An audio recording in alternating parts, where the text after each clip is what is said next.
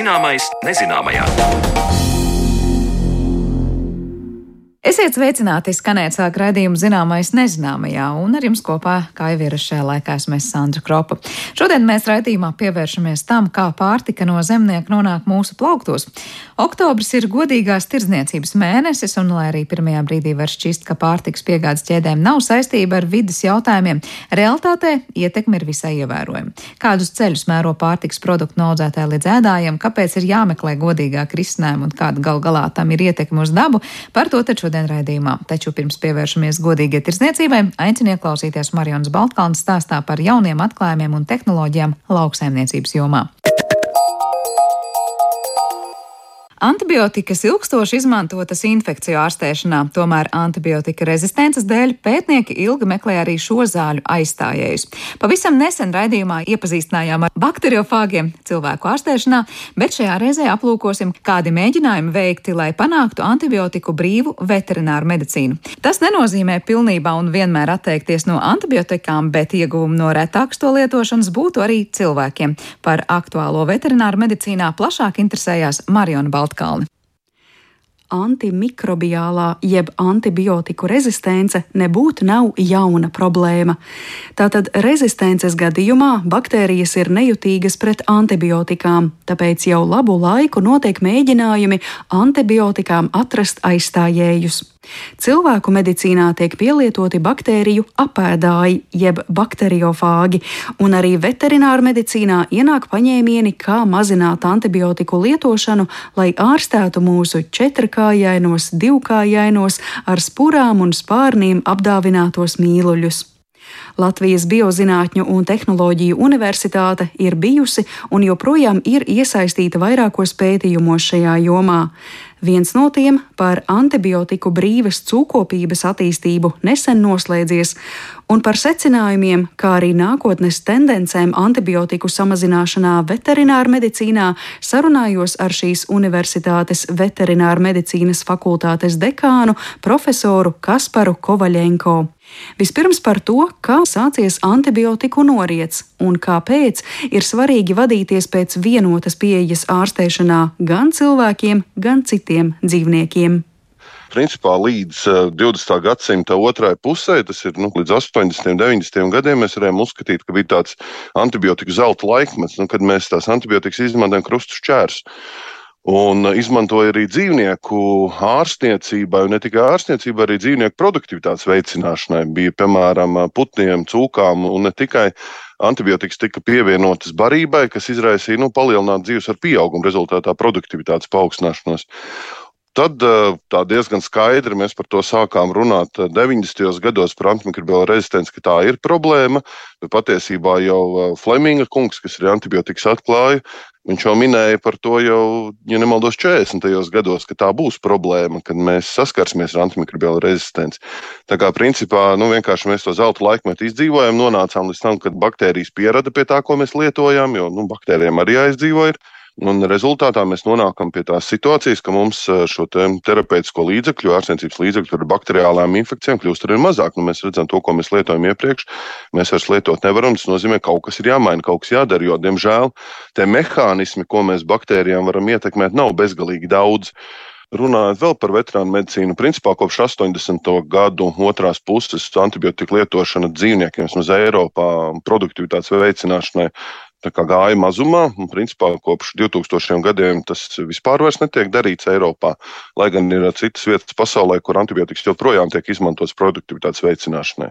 Nu, viena valsts nav atrauta no otras, un līdz ar to tās tendences, ko mēs redzam teiksim, Indijā vai Ķīnā vai ASV, nu, viņas arī atsaucās vēlāk uz mums, jo šī gaļas produkti tomēr ceļo pa pasauli un arī atnāk līdz mums.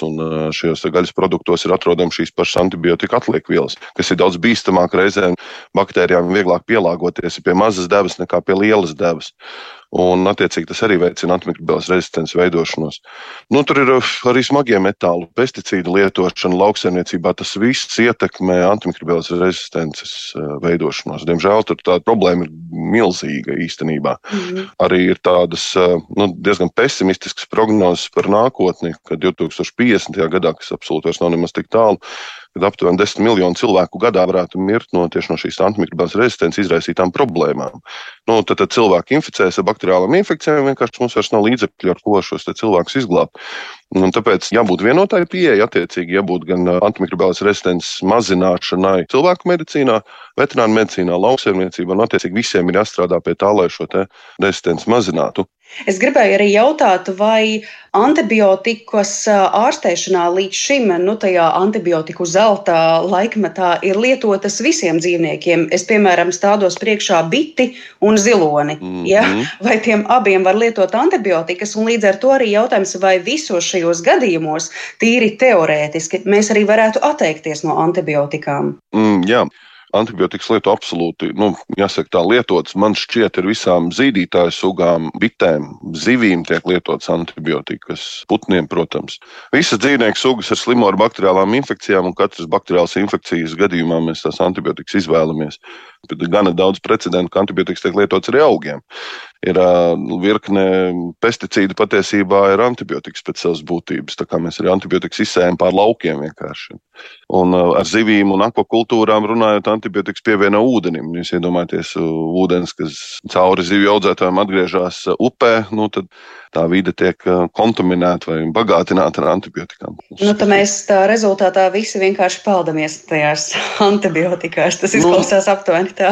Izklausās dramatiski. Es, protams, dramatizēju šo situāciju. Varbūt viņa nav viennozīmīgi tik traka vismaz mūsu platuma grādos, bet virknē valstu, tādā kā Indija, kur šīs antibiotikas tiek ražotas arī rūpnieciskos apmēros, un tā antibiotika lietošanas kultūra ir stipri bēdīga, tad tur tā antibiotika koncentrācija ne tikai notekūdeņos, arī vidē ir stipri augstāka nekā pie mums. Antibiotikas, ja tās tiek pareizi izvērtētas un izmantotas tad, kad to tiešām vajag, nav nekas slikts. Par to ir pārliecināts Kaspars Kovaļenko, un ir gadījumi veterināra medicīnā, kad antibiotikas būs nepieciešamas, piemēram, sivēniem bieži sastopamās caurejas jeb diarejas gadījumā. Jā, cūku var izaudzēt arī bez antibiotikām, Tas gan ir grūtāks ceļš un ietver daudzus pasākumus - dzīvnieku drošību, pārtiku, vakcināciju. Šos paņēmienus un nesenā pētījumā par cūkopību gūtās atziņas plašāk izskaidro profesors Kovaļenko. Es laikam būšu tas cilvēks, kas teiks, ka pilnībā no antibiotikām veterināru medicīnā mēs atteikties nevaram. Tas uz doto mirkli šķiet neiespējami, bet būtiski samazināt antibiotiku patēriņu dzīvniekiem mēs varam. Patiesībā tur ir tāda kompleksa domāšana, jāieslēdz, jāapstāsta šo teiksim, cūku saimniecību vai putnu saimniecību kompleksu, jāsaprot par biodrošību. Kad, nu, ja mēs cūkas audzējam slēgtos apstākļos, mums ir uh, iespēja nepieļaut, ka infekcijas slimības no ārvides, tātad no savvaļas dzīvniekiem, no putniem, žurkām, grauzējiem, ka viņas nenonāk saimniecībā. Un, attiecīgi, ja mēs jau nepieļaujam infekcijas iekļūšanu, mēs jau varam mazināt antibiotiku lietošanu. Pēc tam nākošie soļi, ko mēs varam darīt, tur, teiksim, varības sastāvā spēlēties ar šķīstošiem, nešķīstošajām šķiedrvielām ar barības piedevām, probiotikas, prebiotikas, simbiotikas un tā tālāk. Šķiedrvielu daudzums ir tas, kas nosaka to, vai, piemēram, šīs baktērijas zarnās spēs eh, vairoties, pāraugt vai nespēs. Un, attiecīgi, šai barībai tika pievienots eh, nevis eh, sojas obaltumvielas, bet tika pievienots, obaltumvielas no pupām nu, kas mums Latvijā ir arī viens no produktiem, kas tiek ražots. Un, ja iepriekš bija tāda doma, ka cūkas ļoti slikti izmanto vispār šo pupu proteīnu un zirņu proteīnu, tad uh, tagad uh, pētījumā mums rādās, tomēr, ka nē. Otrs ir arī uh, daži šie bioloģiskie cūku audzētāji. Barībai pievienot, piemēram, raudeni, kaltētu raudeni. Tā kā arī, jā, protams, ir jau arī alternatīva līdzekļi, ko var lietot antibiotika vietā, ir arī šie augu valsts izcelsmes produkti. Nu, gan tāpat ir raudene, timijāns, nu, viņi satur karvakrols un timols, ir divas tādas darbīgās vielas, gan raudenē, gan timijānā kas diezgan būtiski ierobežo baktēriju augšanu. Vēl man liekas svarīgs, man tāds atzinums šajā visā projektā bija, kad uh, daudzi bioloģiskie cūkaudzētāji nepārāk uzmanīgi vai nepietiekami daudz uzmanību pievērš tieši dzīvnieku profilaksei, vakcinācijai kas arī ir viens no tādiem aspektiem, ar ko mēs varam ļoti būtiski samazināt par infekcijas slimības. Nu, tad, tad, ja mēs, piemēram, novēršam nu, pieņemsim novēršanu cūku reptīvo respiratoro sindromu, kas ir nu, Latvijā ir izplatīts. Viņš iespējams pat Baltijas valstīs kaut kur radīja šī infekcijas slimība. Ja mēs viņu varam novērst ar vakcināciju, mēs varam pēc tam samazināt arī antibiotiku lietošanu vēlāk, jo pēc tam nepievienojas šīs bakteriālās infekcijas, kuras pēc tam mums būtu jāārstē jau ar antibiotikām bakteriofāgu terapija ir, arī ir iespēja. Ir dažādas neaizvietamās aminoskābes, augstskābes, īso ķēžu un garo ķēžu augstskābes un ko tikai vēl ne. Mums ir nu, milzīgs daudzums jā, tātad, lietu, ar kurām mēs varam manipulēt, rezultātā uzlabojot dzīvnieku teiksim, gremošanas kanālu, elpošanas kanālu vai elpošanas sistēmas veselības stāvokli. Rezultātā mums tās antibiotikas vajag vienkārši retāk, būtiski retāk. Putnu kopībā, piemēram, to ir izdevies panākt. Pirmkārt, tur ir, nu, ar putnu kopību ir interesanti, tāpēc, ka tas uh, broileriem ir īpaši audzēšanas cikls ir ļoti īss. Nu, salīdzinoši tas ir nu, dienās skaitāms. Tas ir teiksim, līdz 42 dienām broilers izaug. Šķirne ir tāda, barošana ir intensīva, gaisma, ir ventilācija, viss kā vajag.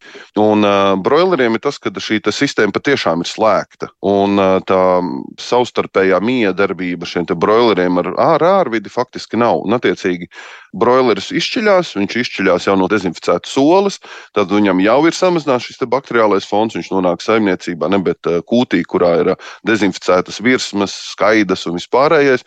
Viņš dzīvo nu, tādos nu, bezmazliet barotnes laboratorijas apstākļos, kurā viņš aug aug, aug, aug, aug, aug. Un tajā visā laikā nu, faktiski tās infekciju iespējas viņam ir stipri maz, un attiecīgi tās antibiotikas viņam faktiski nav jālieto. Un to arī teiksim, mūsu viens lielais uh, broileru gaļas ražotājs Latvijā ir arī panācis, ka var izaudzēt pilnībā šo broileru ciklu, vispār neizmantojot antibiotikas. Kas ir īstenībā pasaules līmenī tas ir tāds sasniegums, jo nu, daudzas pasaules valstis broilerus audzējot tiešām lieto antibiotikas. Nu, tur vismaz pāris reizes ciklā nāks viņiem lietot šajās 42 dienās, pāris reizes viņi saņem antibiotikas. Bet tad izklausās aptuveni tā, ka gan jums, kā pētniekiem, gan arī fermeriem, piemēram, lopkopiem un putnkopiem, ir jādomā vienlaikus par krietni jau vairākiem faktoriem. Tā ir dzīvnieku drošība, tīrība, tā ir diēta, sabalansēts uzturs un tad vēl arī iespējams kādi citi ārstniecības mehānismi, šie bakteriofāgi. Vai tas ir vieglāk, vai varbūt tas ir krietni sarežģītāk? Tas ir sarežģītāk, viennozīmīgi tas ir sarežģītāk, un tā ir, saka, tā ir tāda kompleksa pieeja un jāspēj, nu, pirmkārt, jābūt galvai uz pleciem, jābūt tālajošiem mērķiem, jāsaprot, kur grib cilvēks ar šo saimniecību vispār nonākt. Un jāsaprot arī to, ka, nu, cik maksā viena cilvēka dzīvība. Nu, tad mēs ja sākam rēķināt tādās mērvienībās, un ja mēs pareitām desmit miljonu cilvēku dzīvības pasaulē, nu, tas ir daudz, un nu, mums kaut kas ir jādara. Labs piemērs ir no Dānijas, kur cūkopības industrija diezgan tagad aģitē pret antibiotiku lietošanu tā, kā tā bija iepriekš, balstoties uz to, ka, nu, piemēram, saimniecības īpašnieks stāsta tādus atgadījumus no dzīves kad uh, saslimst ģimenē cilvēki, ar multirezistentu stafilokoku aureus nu, vai zeltaino stafilokoku, kas ir no cūkām nācis, jo cūkās viņš arī ir, un cūkām arī viņš izraisa infekciju. Cūks ir ārstēts ar antibiotikām jau gadiem. Restīvi šis stafilokoks ir izveidojis uh, rezistenci pret visām antibiotikām. Tad saslimst viņa meita, kas aiziet bojā, protams, no šī stafilokoka. Un tad cilvēkam pēkšņi tāda apgaismība, ka, lūk, patiesībā tas mana darbību rezultātā mana meita ir aizgājusi bojā. Tāpēc, kad es gadiem jau esmu lietojis antibiotikas, neesmu domājis, kā viņu lietošanu samazināt. Un tas patiesībā skar ikvienu. Arī lauksaimniecībā cilvēks eh, domā, ka tas jau man ir neskars personīgi, jo nu, kā tad es varbūt pats savu produkciju nemaz nepatērēju. Nu, patērēs kāds cits. Bet, ja kurā gadījumā šī antibiotiku rezistentās baktērijas nu, nonāk sabiedrībā, nonāk vidē, un viņas var caur cilvēku atgriezties jau pie paša saimnieka, vai arī patiesībā visbiežākais viņi jau no pašiem dzīvniekiem nonāk pie cilvēka. Vai tā ir zarnu noņa, vai tas ir zeltainais eh, stafilokoks, vienalga. Nu, baktēriju virkne, kas ir dzīvniekiem un cilvēkiem kopīgas, ir uh, milzīga. Nu, patiesībā mēs jau cilvēks arī ir dzīvnieks, tāpēc mums tās baktērijas šurp turp arī staigā. Ja ir iespēja dzīvnieka slimību pamanīt jau laikus, tad arī antibiotikas vajadzēs lietot mazāk. Tieši tāpēc turpinās pētījumi, lai problēmas novērstu jau pirmsākumos un lai spētu izsekot līdzi tam, ka, piemēram, ar kādu dzīvnieku ganāmpulkā notikušas izmaiņas. Ir speciālas kakla siksnas govīm, kas monitorē, kā dzīvnieks ēd, kā kustas, ir sensori, kas nosaka somatisko šūnu un baktēriju daudzumu govs pienā, un arī Latvijas Biozinātņu un tehnoloģiju universitāte attīsta biosensorus iekaisuma jeb govju mastīta diagnostikai. Jaunākās tehnoloģijas un datorredze ieņem aizvien lielāku lomu. Ir mēģināts pat ar droniem, piemēram, infrasarkanās kameras, kad dzīvnieki atrodas ganībās ar dronu šo infrasarkano kameru pārlidojot pāri ganāmpulkam var redzēt dzīvnieku, kuram paaugstina ķermeņa temperatūru. Bet, protams, nu, vasarā to ir grūti izdarīt, tāpēc, kad ir saule, kas ļoti labi sasilda dzīvniekiem muguras, un tāpēc ir to grūtāk, bet, teiksim, vēsākos apstākļos to var izmantot. Tā kā nu, tās iespējas, kā monitorēt dzīvnieku veselību un, attiecīgi, to pēc tam arī veicināt, mums ir īstenībā diezgan daudz, un to būs arvien vairāk un vairāk. Un Es domāju, jo mēs vairāk iesaistīsim šo mākslīgo intelektu un datu, dažādas vākšanas metodas un visu to integrēsim kopā ar veterināru medicīnu, lauksaimniecību, es domāju, mēs zilus brīnumus vēl redzēsim. Tik tālu par to, kā uzlabot cūku un govju veselību, bet raidījuma turpinājumā pievēršamies pārtikas piegādes ķēdēm.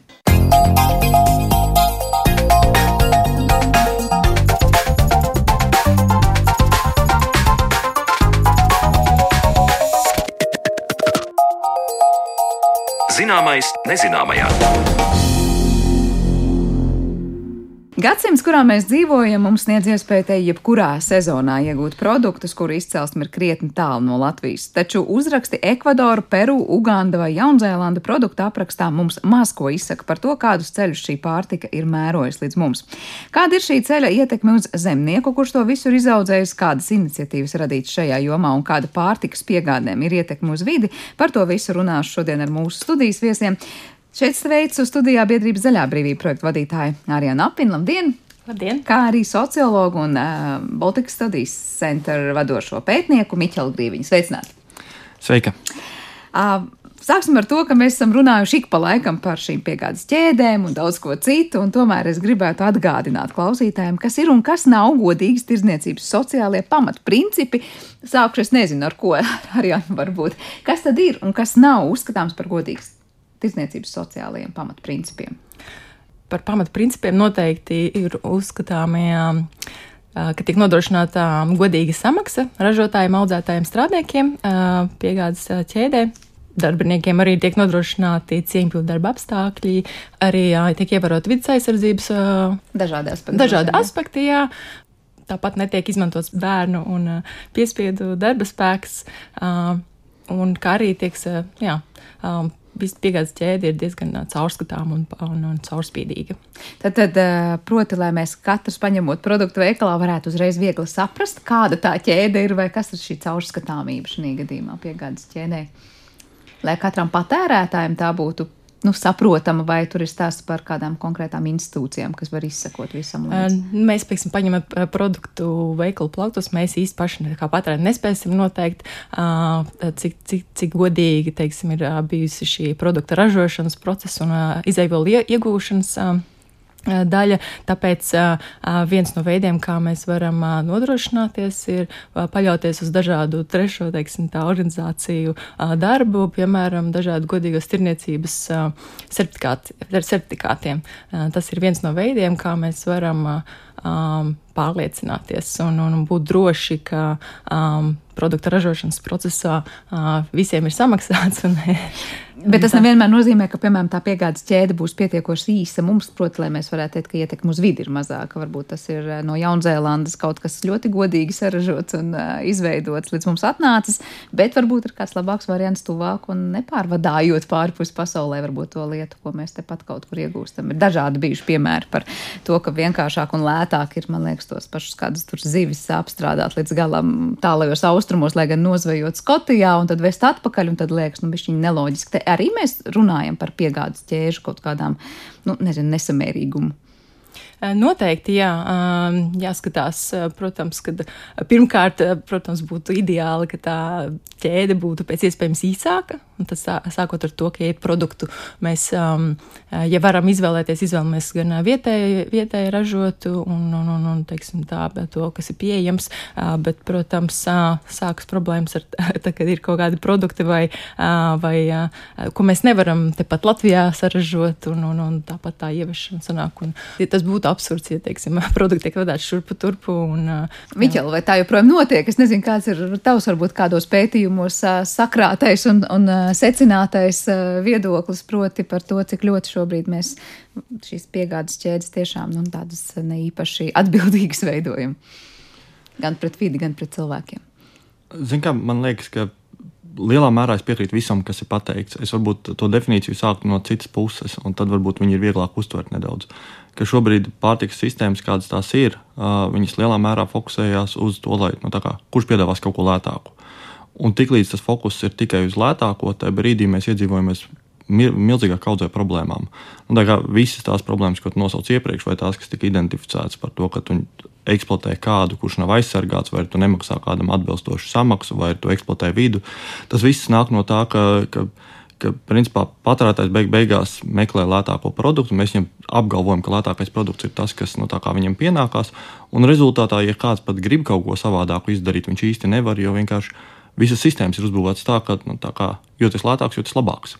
Un kā es saskatu, ka godīgums ir viens veids, kā ieviest atpakaļ citus kritērijus, kā mēs uzlūkojam pārtikas sistēmas vai kā mēs uzlūkojam produktu. Cik mēs neredzam tikai to, nu, tā kā to, nezinu, Eiropā laikam nebūtu korekti teikt, dolāru zīmīti. Es teikšu, mēs eiro neredzam zīmīti. tikai eiro zīmīti klāt.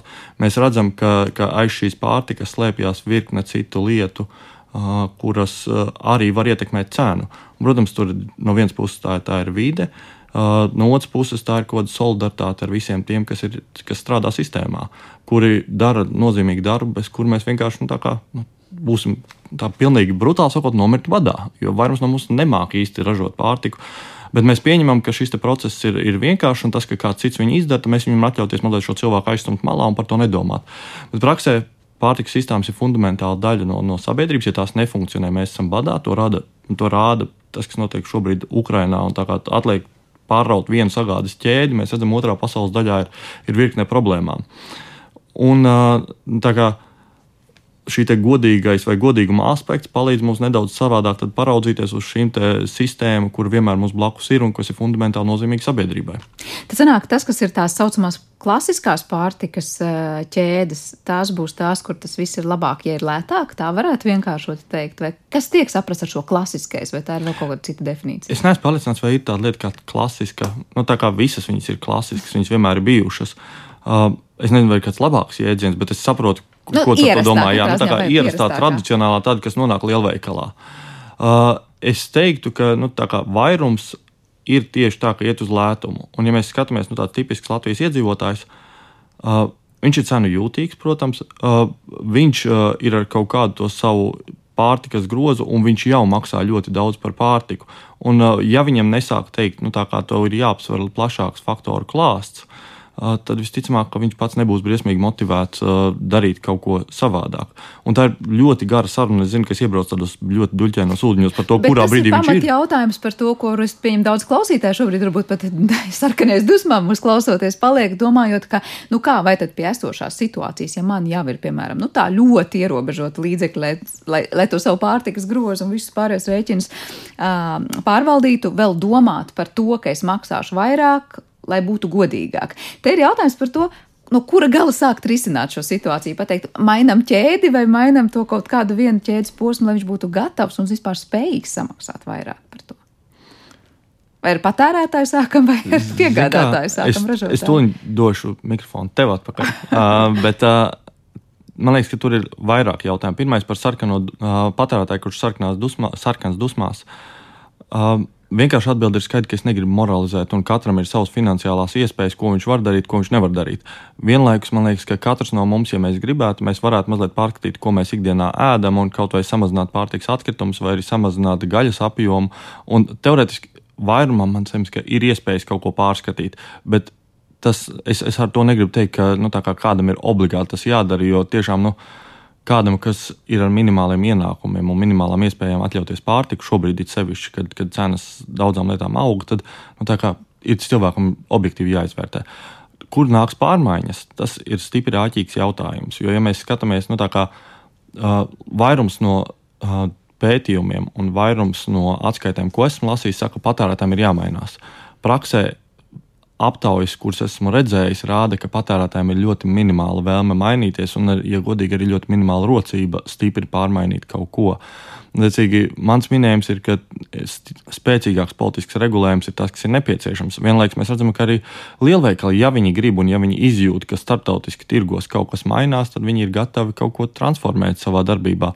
Un, attiecīgi, man negribās parādīt ar pirkstu uz vienu pusi un pēc tam redzēt, kā šī puse nemainās vai jūtas aizskarta. Mans minējums ir, ka, ka tas ir nu, angļuiski kolektīvi effort. Nu, katrā ziņā nav jāsāk tikai no tā, kā moralizēt patērētājiem, mainīties un kļūt atbildīgākam. Arī kāds viedoklis no tā, kurā pusē ir tas pirmais vai otrais solis, kas jāspēr, lai tā ķēde mainītos. Un nebūtu vairs lētāk, ir labāk. Jā, nu, es domāju, noteikti tas nav kaut kādā vienā pusē. Tam ir jābūt, nu, jānāk no visām pusēm diezgan līdzvērtīgi un vienādi jā, jāiesaista visas puses, jo, ja mēs strādāsim tikai ar uzņēmējiem vai prasīsim no viņiem mainīties, bet patērētājs nebūs gatavs, teiksim, vai nebūs, teiksim, jau ar savu domu, teiksim, ka viņš sāk pievērst uzmanību arī šim ne tikai vidas vai ekoloģiskiem, bet arī sociālajiem aspektam, tad īsti tam uzņēmuma produktam viņam nebūs tas patērētājs, un kurš pievērsīs tam uzmanību. Līdz ar to Man liekas, tam tur ir gan jāstrādā šīs tēmas, teiksim, celšanu gan sabiedrības līmenī, un jāgatavo tas patērētājs, ka viņš sāk pievērst uzmanību arī šim sociālajam aspektam, aizdomājās, pievērš uzmanību, bet, protams, pēc savām iespējām, un kā arī Miķels minēja, pilnībā piekrīta par, ka nevar, nedrīkst, teiksim, tā, nu, gaidīt un katram pēc pašas iespējām, jā, kur mēs varam, jā, Miķel bija laikam. Jā, pavisam īsa piebilde. Man liekas, ka tas, ar ko tu sāki, ka, ka ķēdes ir ļoti sarežģīts. Un parasti cilvēkam vidējiem, es teiktu, pat ne vidējiem, es esmu nodarbojies desmit gadus ar pārtikas sagādes ķēžu pētniecību, un man nereti ir grūti pateikt, nu, kas ir tas labākais, ko tagad ir jāpērk. Jo, nu, ir tik nenormāli daudz aspektu, kas nāk no visas pasaules nostūriem, par kuriem nu, es varu kaut ko zināt, bet nerad pat man pieņēmumi ir, ir kļūdaini ka vienkārši mums ir grūti, nu, nav īsti pamats cerēt, ka patērētājs vidējais, ka viņš ļoti veiksmīgi nomanevrēs ap šo sarežģītību. Un, attiecīgi, tie vidutāji vai vidusspēlētāji, kas var kaut ko pateikt, man liekas, ir fundamentāli svarīgi. Nu, tā kā tika minēti nevalstiskās organizācijas, kas uztur uh, certifikācijas schēmas, tas pats Fairtrade vai arī nezinu, ekocertifikāts, viss pārējais.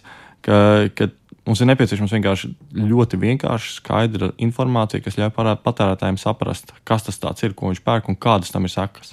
Tas gan nav par fairtrade, bet par citiem marķējumiem arī ir bijuši dažādi stāsti par to, cik ļoti varbūt tiešām atbilstoši tai um, lietai, ko, ko šī marķējums oh, stāsta, ir šī prece. Ja? Jautājums par fairtrade, kuras ir tās lietas, kas patērētājiem jāliek aiz auss, nu tomēr skatoties, var paļauties, ja ir tas fairtrade, mēs varam paši nepētīt un neanalizēt, nu tad no kurienes audas, kā piegādāts konkrētais produkts un līdz mums nonācis, vai tomēr jūs teiktu, ka tur ir jābūt ļoti uzmanīgam un ne viss, kas ir fairtrade, tiešām ir tik ļoti godīgs. Ir bijuši, protams, pētījumi arī, tie, nu, kas skatās tieši fair trade, teiksim, to labumu gūmu un konkrētās ražotnes audzētājs, kā ir mainījusies viņa dzīve un, un, un teiksim, konkrēti rezultāti. Un, ka, jā, ar fair, esot tajā fair trade sistēmā ir manāms uzlabojums gan, gan pašiem, gan kopējā, teiksim, tā kopienā par jautājumu. Um, um, Es domāju, ka mēs varam uzticēties, jā, bet, protams, kaut kur ir, ir, protams, ir jāskatās, varbūt ne simtprocentīgi, un tāpat paši arī, teiksim, Fertila organizācijas citreiz atzīt, ka viņi, uh, jā, ir visa tā kontrola, bet, protams, simtprocentīgi nevar izslēgt, nevar nokontrolēt uh, līdz galam, bet. Uh, nu, lielās un, līnijās. Lielās līnijās, jā. Mm. un, un, un Un ir arī, protams, atšķirības starp marķējumiem. Tur arī ir nedažas nianses. Piemēram, vienai marķējuma sistēmai būs teiksim, pilnīgāki tie vai teiksim, stingrāki tie kritēriji, un citai būs varbūt mazāks to sociālo aspektu, bet uz vidas teiksim, virzienā. Un, Bet es uzskatu, ka pat ja varbūt simtprocentīgi vienmēr mēs nevaram būt teiksim, pārliecināti, jebkurā gadījumā šobrīd tas ir labākais instruments, kas mums ir, un tāpēc tas ir jāizmanto. Mm -hmm. Paldies, Miķel. Es laikam teiktu, ka, manuprāt, nav īsti produktīvi kritizēt šīs te, kvalitātes schēmas. Jo vairums no tām, kas ir lielas un Eiropas līmenī redzamas un pasaules līmenī redzamas, viņām konstanti ir virkne dažādu nu, sarksuņu, kas skatās, kas tur iekšā ir un pēta, cik, nu, kā, kā tā sagādas ķēde ir strukturēta. Ka man drīzāk liktos, ja patērētājs skatās un domā, ko pirkt, tad viņam būtu jāsaprot, ko tieši šī te, šis te marķējums nozīmē. Jo nu, dažādiem marķējumiem, protams, viņi prasa dažādas lietas. Un, ja viņš prasa, lai tur produkti ir sagādāti lokāli vienas na nacionālas valsts ietvaros, un tad tas automātiski tiek uzskatīts par, par vidē draudzīgu, tas, protams, to īsti nenozīmē, ka tā ir spēle vārdiem. Un, kā, ja tu izvēlējies šo konkrēto, kas man stāv prātā, ļoti konkrēts piemērs, uh, marķējumu, tu, tu neko tu dabū šo marķējumu, viņš ir izpildīts tieši tā, kā viņš ir aprakstīts, bet praksē tas neko īsti nemaina. Jā, tas mazliet tā kā maldina. Tad, kad es uzdevu jautājumu, es vairāk biju domājis par MSC certifikātu, bet labi, šobrīd nerunāsim, jo par to bija ļoti daudz dažādas diskusijas un dažādi viedokļi, bet e, neiedziļinoties tikai un vienīgi šajās marķējuma lietās, kā ir ar to vietējo produktu godīgumu, jo es saprotu, ka visbiežāk nu, mēs šo fairtrade zīmi meklējam uz šokolādēm, kafijām, daudz ko citu, kas tiešām to tālo ceļu no mums ir uh, nākušas uh, un mērojušas, un tur ir tiešām jautājums par to, vai godīga kopiena ir nodarbināta vai tā tālāk. Viss tas, ko Arjana sarunas sākumā minēja. Uh, vai mēs varam kaut kā izsakot, cik godīgi kaut kas tepat uz vietas Latvijā tiek saražots mums piegādāts? Es īsti nezinu par šādiem nu, certifikācijas schēmām vai pētījumiem, bet uh, Es zinu, ka pār, tā pati tiešā pirkšana, ko varbūt kāds no klausītājiem zina, viņi pretendē uz to, ka viņi seko līdz tam, kas notiek ar šajā saimniecībā, kā, kādas ir šīs ražošanas prakses. Un, nu, uzmana, lai klientiem būtu pieejams tikai nu, tas produkts, kas, kas atbilst uh, tiešās pirkšanas pamatprincipiem. Tur, protams, ir nu, tā kā, tā, tā izaicinošā daļa ir, ka, ja mēs skatāmies, cik daudz lauksaimnieks iegūst no šī dalības pulciņā, tad nezinu, vienas nedēļas aizvestais produkcijas apjoms vienam pulciņam principā negarantē nekādu uh, nozīmīgu ienākumu apjomu. Un, attiecīgi, cerēt, ka tas ļaus lauksaimniekam uzturēt šīs prakses, ir, ir, manuprāt, diezgan naivi. Bet otra puse ir, ka man liekas, ka nu, tā kā ka viens ir vide un sociāla atbildība, otrs ir atbildība par nodokļiem. Un man liekas, ka nu, mēs nereti fokusējamies uz to, lai šie lauksaimnieki būtu ļoti atbildīgi par to, lai viņi nezinu. Lai visi saņemtu algas, kas, kas ir diskutabli. Nu, mēs redzam, ka vismaz tās saimniecības, ko es sameklēju, nereti tā alga ir minimālā, un tā ir, ar tādu ir grūtības konkurēt ar citiem, citām darba vietām. Um, ir kaut kāds, kā, nu, kā šīs organizācijas ir ļoti fokusējušās, lai būtu vidē draudzīgi, par ko man nav nekāda nu, šaubu, ka tam tā būtu jābūt.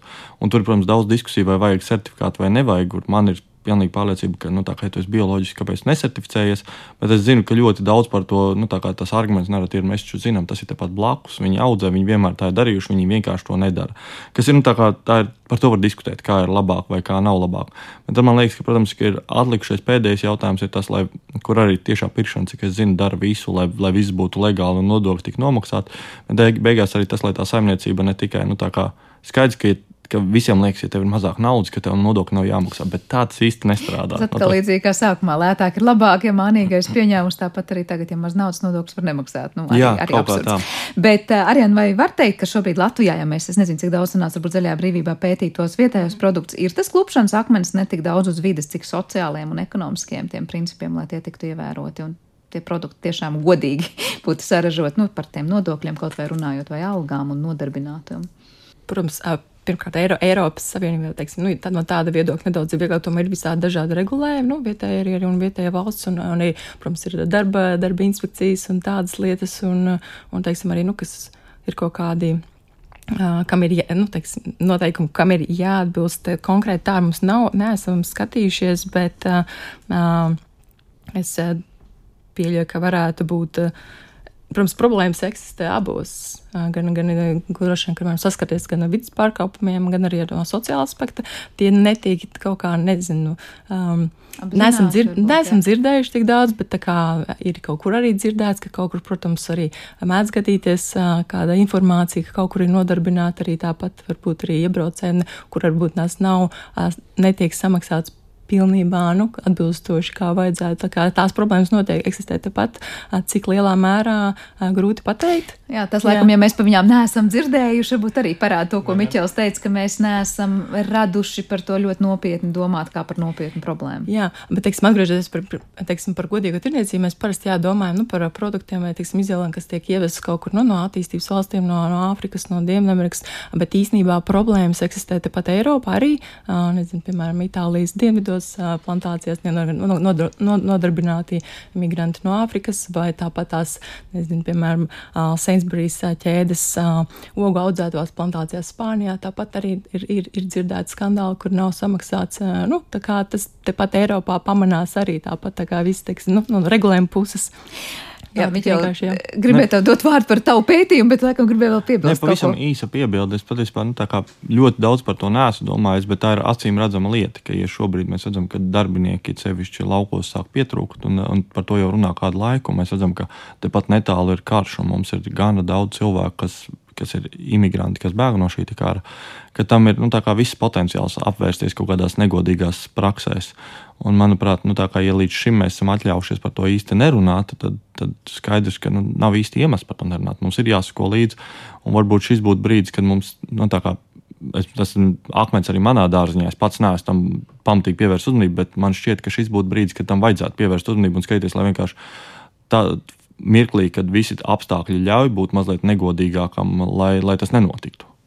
Šis tavs jau atbild un replika patiesībā man provocē uz nākamo jautājumu, kas pirms pieķeramies tavam pētījumam. Kādas ir tendences šobrīd? Tu minēji karu, karš Ukrainā, protams, ļoti krasi parāda arī, nu, kā lietas ir mainījušās pēc 24. februāra. Tāpat pirms tam Covid, visa šī energo krīze. Kā tu raksturot, kā pārtikas ķēdes un piegādes ķēdes šobrīd mainās šo notikumu kontekstā un kurā virzienā?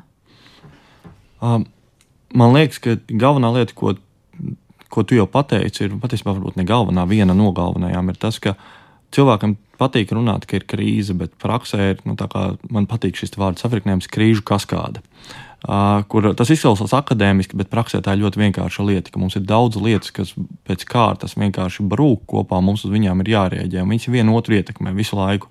Un, protams, ka tam fonā visam ir vide un visi vidas izaicinājumi, kuri visas mūsu lietas, ko mēs darām, padara vēl asāk, vienkārši, vienkārši asākas un sāpīgākas. Mēs, nu, tā kā ja, ja skatās, un tad ir kaut kādas citas lietas, kas ir varbūt pozitīvas un var, varbūt arī negatīvas. Man liekas, ka digitālā transformācija tagad vienkārši pamatīgi mainīs pilnīgi visu. Mēs nezinām, vai tas būs labi vai slikti. Ja mēs skatāmies no mūsu pieredzes, tad visticamāk, ka spēcīgākie sagādas ķēžas pārstāvji vienkārši sagrābs kaut ko sev un mainīs uz slikto pusi. Bet kā tas Bet, izpaudīsies dzīvē? Nu, piemēram, ja mēs tagad sakām. Uh, tagad uh, pavisam, uh, un man ir nav pietiekoša informācija, lai pilnībā to komentētu. Bet es vēl tikai pirms pāris dienām klausījos uh, referātu, kur uh, pētnieks teica, ka viņa, viņa analīze rāda, ka lielveikali šobrīd, kuri vēsturiski uzskatīti par, par nozīmīgu aģentu, kas spēj ietekmēt visu pārtikas sistēmu un pasaka, kas kuram būs jāpiegādā par kādu cenu, tagad lēnām arvien vairāk izjūta uh, digitālo tirzniecību, kas savukārt viņiem liek samazināt mārginus, ko viņi ņem sev, un arī liek pārskatīt, cik lielā mērā viņi var koordinēt. Kā, kā, koordinēt pārtikas ķēdes. Ir, ir tā lieta, kā vertikālā koordinācija, kas nozīmē, ka kāds var pateikt, kas tur būs, un visiem pārējiem lielā mērā ir jāpakļaujas, jo viņš ir vienīgais izējas punkts uz to gala pircēju. Un, uh, mans minējums ir, ka mēs par to daudz nerunājam, bet arī Latvijā visticamāk, ka lielveikali jūt spiedienu no tā, ka digitālie tirgotāji, kuri nav paši kā, nu, nav saistīti ar šo lielveikalu, ka viņi ienāk ar vien spēcīgāk, un lielveikalis piektas ir viņiem vienkārši konkurēt. Jo, protams, ka visas izmaksas ir pilnīgi savādāk veidojās tur. Uh, Uh, bet arī digitāli, ja mēs skatāmies uz digitālajiem rīkiem, tad, uh, protams, ka tas, kas ir uh, tās tā sarežģītās tehnoloģijas, kas ir datu analīze, kur mēs redzam, ka šobrīd ir no vienas puses mēs jau kādu laiku runājam, ka lielie tehnoloģiju piegādātāji pie viņiem akumulējas ļoti daudz datu par to, kā lauksaimnieki uzvedās, ko viņi dara. No otras puses, mēs redzam, ka tāpat Eiropas Savienība apmaksājot apvāršņu projektus, veido milzīgas datubāzes, piemēram, par zemes auglīgumu vai par zemes īpašībām kas, kas savukārt potenciāli mums palīdz risināt uh, kaut kādas uh, vidas problēmas, vai arī tikko. Uh, viens, manuprāt, izcils pētījums, ja nemaldos, Amber saucās vai, vai līdzīgi, ar, ar uzdevumu dokumentēt aizspriestus upē, kur, kuri būtu jānovāc, viņi sāka to dokumentējot. Pētnieki paši izveidoja pirmo datubāzi, pēc tam viņi panāca, ka cilvēki, nu, tā kā tas, kas tagad ir popsā, tā man nevajadzēja teikt. Uh, veicinot citizen science, ir panākuši, ka šī datubāze pati aug ar vien lielāku, ar vien lielāku, un tagad, principā, tā ir lielākā datubāze par upju aizsprostiem, kuri būtu jānovāc, lai dabūtu dabīgo upju tecējumu. Um, attiecīgi, mums, mums šīs dati, kas akumulējās, var palīdzēt ļoti daudz ko mainīt. Bet tad ir pilnīgi vienkāršas lietas, kā piemēram, nu, triviāli Facebook vai WhatsApp grupas. Mēs redzam, ka WhatsApp grupas uh, vismaz manā pieredzē, ļoti daudz lauksaimnieku izmanto, lai mācītos viens no otra. Protams, ko viņi mācās, tas ir cits jautājums, bet tas ir nu, kā, mēs redzam ka informācija ir pieejama vairāk. Un Facebook vai, vai līdzīgi rīki, viņi, nu, kā, viņi ir pavisam vienkārši, bet viņi ir vienkārši izmantojami, lai saistītu patērētāju ar, ar lauksaimnieku. Un rezultātā mēs redzam, ka veidojas jaun, jaunas saiknes starp grupām, kuras, kuras daļai tās problēmas līdz šim veidojušās, ka šo saikņu nav. Un teikt, šīs saiknes var veidoties pateicoties tam, ka šeit digitālajā rīki ir. Bet tas ir nu, stipri triviāls atreferējums par to, ko digitālajā rīki varētu dot. Bet, manuprāt, ja mēs nu, skatāmies, piemērs, ja? tur ir ļoti daudz ko rakt, un mēs ļoti vāji vēl to saprotam. Bet tavs pētījums, es saprotu, arī mm, par to, kā Eiropā atvieglot pārtikas sistēmas par labu zemniekiem, tad arī nozīmē to, kā vienkārši satuvināt to patērētāju ar to zemnieku ražotāju, vai Ko tu tur pēti, ko tu tur esi Zin, sapratis? Tā ir, tā ir jāveic, jākāp soli atpakaļ, jo tā ir viena lieta, ka tas gluži nav pētījums. Ir uh, Eiropā apvāršņa projektu ietvaros vai pētījumu ietvaros veidojās jauni virzieni, kuros uh, pētnieki strādā. Un, ja vēsturiski pētnieki pētīja, un tad nerad tie dati palika kaut kur plauktā, tad tas pēdējo laiku spiediens ir vien vairāk uh, virzīt uz to, lai nu, šie dati kaut kādīgi integrējās ar tiem cilvēkiem, kurus viņi reāli lietos. Un konkrēti šis te pie, kur mēs strādājam tagad, viņam ir ļoti skanīgs nosaukums, jo to nav izdomājuši Latvijā. Mēs dodam tādus piezemētākus nosaukumus. Kokorēdu, kas principā, kā es to saprotu, nāk no Esperanto. Uh, bet uh, šī pētījuma būtība ir, vai kā es pateicu, tas nav projekta, projekta ir uh, akumulēt visu, ko mēs zinām, atrast labos piemērus un tad palīdzēt aktīvistiem dažādās Eiropas daļās šo informāciju saņemt no, tieši no pētniekiem, uh, un uh, viņu ieviest nu, tā, savās iniciatīvās uz vietas. Bet tā labā pie, prakses piemēra būtu par to, kā saīsināt pārtikas piegādes ķēdes vai ko citu. Zinām, jo pamatā tas ir. Mēs galvenokārt brīdī, kad mēs domājam, kas tad ir labie piemēri, tas ir saīsināt pārtikas ķēdes. Bet tas var būt arī nevienmēr saīsināt, bet, bet piemēram, padarīt ķēdes caurspīdīgākas. Jo, kā tu pati teici, mēs nevienmēr esam pārliecināti, ka tiešām tas, kas ir tas, tas vietējais, ka, ka viņš būs vidē vai sociāli draudzīgākais, vai kaut kāds produkts mēs vienkārši nu, nevaram īsti atbildīgi izaudzēt vietēji. Bet nu, neapšaubām, ka, ka galvenokārt tas ir par, par ķēžu saīsināšanu, tas ir par kaut kādu patērētāju kooperatīvu veidošanu, lai noņemtu slodzi vai lai, lai atņemtu nedaudz varu lielveikaliem un radītu patērētājiem lielāku iespēju pašiem izvēlēties un arī pašām lielāku atbildību par tos, to, kā sagādas ķēde ir organizēta. Protams, tie ir visi tie tipiskie nu, kā iniciatīvas, kā tirdziņi, nezinu, tiešās pirkšanas grupas. Un tas man laikam liekas mazliet paradoxāli, ka, ka neskatoties uz to, ka mums ir. Mēs, mēs problēmu par sagādas ķēžu izaicinājumiem zinām nu, 30, 40 gadus. Uh, mēs, šis konkrētais projekts, viņā ir akumulēti principā, speciālisti no visas Eiropas. Un tas, kas laikam man pārsteidza, ka tik un tā mēs neaizējām tālāk par tiem usual aspektiem, par to, kas tie tipiskie risinājumi. Kur es nevaru saprast, kā uz to skatīties. Vai nu tā ir mūsu nespēja vienkārši atrast kaut ko jaunu, mums pietrūkst viņa inovatīvu ideju, vai vienkārši tie tiešām ir paši izcilākie, mums nekā cita nav. Bet tu pieminēji tos tie, e, tiešās pirkšanas pulciņus vai tos tirdziņus, un tomēr man liekas, nu jau labu laiku ir zināma šī tiešā pirkšana. Mm. Izskatās, nu masveida kustībā tā nav aizgājuši un visticamāk nekad arī neaizies. Bet, Jautājums, vai tas ir risinājums, vai mums nevajag kaut kāda nu, masveida risinājuma, jo problēma jau ir globāla. Protams, bet mazliet par tiešās pirkšanas pulciņiem. Pavisam, man liekas, ka tas ir labs piemērs, ar ko šķietināt vaļā. Jo Latvijā tiešās pirkšanas pulciņi nav vienīgais, kas mēģina kaut ko tādu izdarīt. Ir virkne dažādu nu, komerciālu mēģinājumu, kas man liekas, ir pat labi. Jo nu, kā ir kāds, kuram patīk darīt lietas bez maksas, un kā aktīvistam ir kāds, kuram patīk, ka viņš saņem naudu, vai ka viņš var kādam bišķiņu samaksāt, un tad justies, ka viņa nu, dvēseles tīrība ir nopirkta. Uh, bet, uh, Attiecīgi, tas izaicinājums ir, kā mēs redzam, ka ļoti daudz no šīm iniciatīvām, kas Latvijā veidojas, viņas īsti nu, nespēja pašas sev pavilkt. Un uh, mans minējums ir, kāpēc. Ir, tad, ja mēs salīdzinām kaut kādu Nīderlandi, kur ir 400 cilvēku uz kvadrātkilometru, kas ir gatavi kaut ko pirkt ar diezgan pamatīgu GDP uz vienu cilvēku, un tad mēs salīdzinām Latviju, kur ir, nu, tā kā ja izslēdzam Rīgu, tad ir 13 cilvēku uz kvadrātkilometru, ka, protams, ka tas ir pilnīgi cits patērētāju kopums. Mūsu patērētāji, kā es arī teicu, ir ļoti cenu jūtīgi. Un mēs redzam, ka katru reizi, kā cilvēkam palielinās algas, mums sadibinās jauni, nezinu, dažādas iniciatīvas, un tiklīdz pēkšņi iesit krīze, tā visas tās iniciatīvas pašķīst un sabrūk. Un tas jautājums ir, tas ir tas, ko mēs principā cenšamies mūsu projektā risināt ka mēs zinām, kas ir labie piemēri. Bet mēs zinām, ka Eiropa nav, nu, tā kā mums gribētos domāt, Eiropa ir viendabīga liela bumbiņa, kur visos stūros ir viens blīvums, bet praksē tā nav. Un tad jautājums, kā to nokopēt? Latvijā tad mums būs jāņem vērā droši vien kaut kādi savi nu, aspekti, kas nenoliedzami atšķirsies no, no citām zemēm. Miķeli, kāds tev ir tas redzējums tava projekta? Turpmākie soļi. Mēs varam gaidīt ļoti konkrētus risinājumus, ko izmēģināt šeit Latvijā tuvākā laikā, vai tas vēl šobrīd ir tāds ilgs pētījums, pat jāsaka, Jā, process. Ja, ja tu man dod 20 minūtes, es labprāt. Nē, es tev dodu vienu minūti. viena minūte, ir, mēs darām ļoti konkrētus soļus. Mums ir uh, saplānots, mēs esam savākuši cilvēkus no visas Eiropas, kas ir, nu tā kā pēc mūsu domām, absolūti aktīvisti, ir gatavi darīt lietas, un tas man vienkārši pārsteidz. Viņam vienā dienā parāda, un nākamajā dienā tu saproti, ka viņš jau savā valstī kaut ko tādu taisa. Uh, mēs viņiem esam saorganizējuši vairākas treniņu programmas, kur mēs savalkam speciālistus pārtiks jomās, pētniekus no visas Eiropas. Un mēs kopā palīdzam viņiem, viņu projektiem, kā izdomāt, kā viņus pielāgot. Un mums tikko beidzās viens šāds treniņš Spānijā, mums pirms tam bija viens Briselē, tagad būs pēc pāris mēnešiem viens Rīgā. Nu, tas izaicinājums, protams, ir, mums ir ierobežota nauda. Tad, kad mums beigsies, tad mums būs jādomā, kā to tīklu uzturēt tālāk. Bet šobrīd nu, es esmu absolūti iedvesmots par to, kā es redzu, uh, cik vienkārši ir panākt, ka lietas mainās, ja tu savāc cilvēkus, kuri ir motivēti mainīties. Ka tad nu, tā, tā pētnieka klātbūtne ir stipri.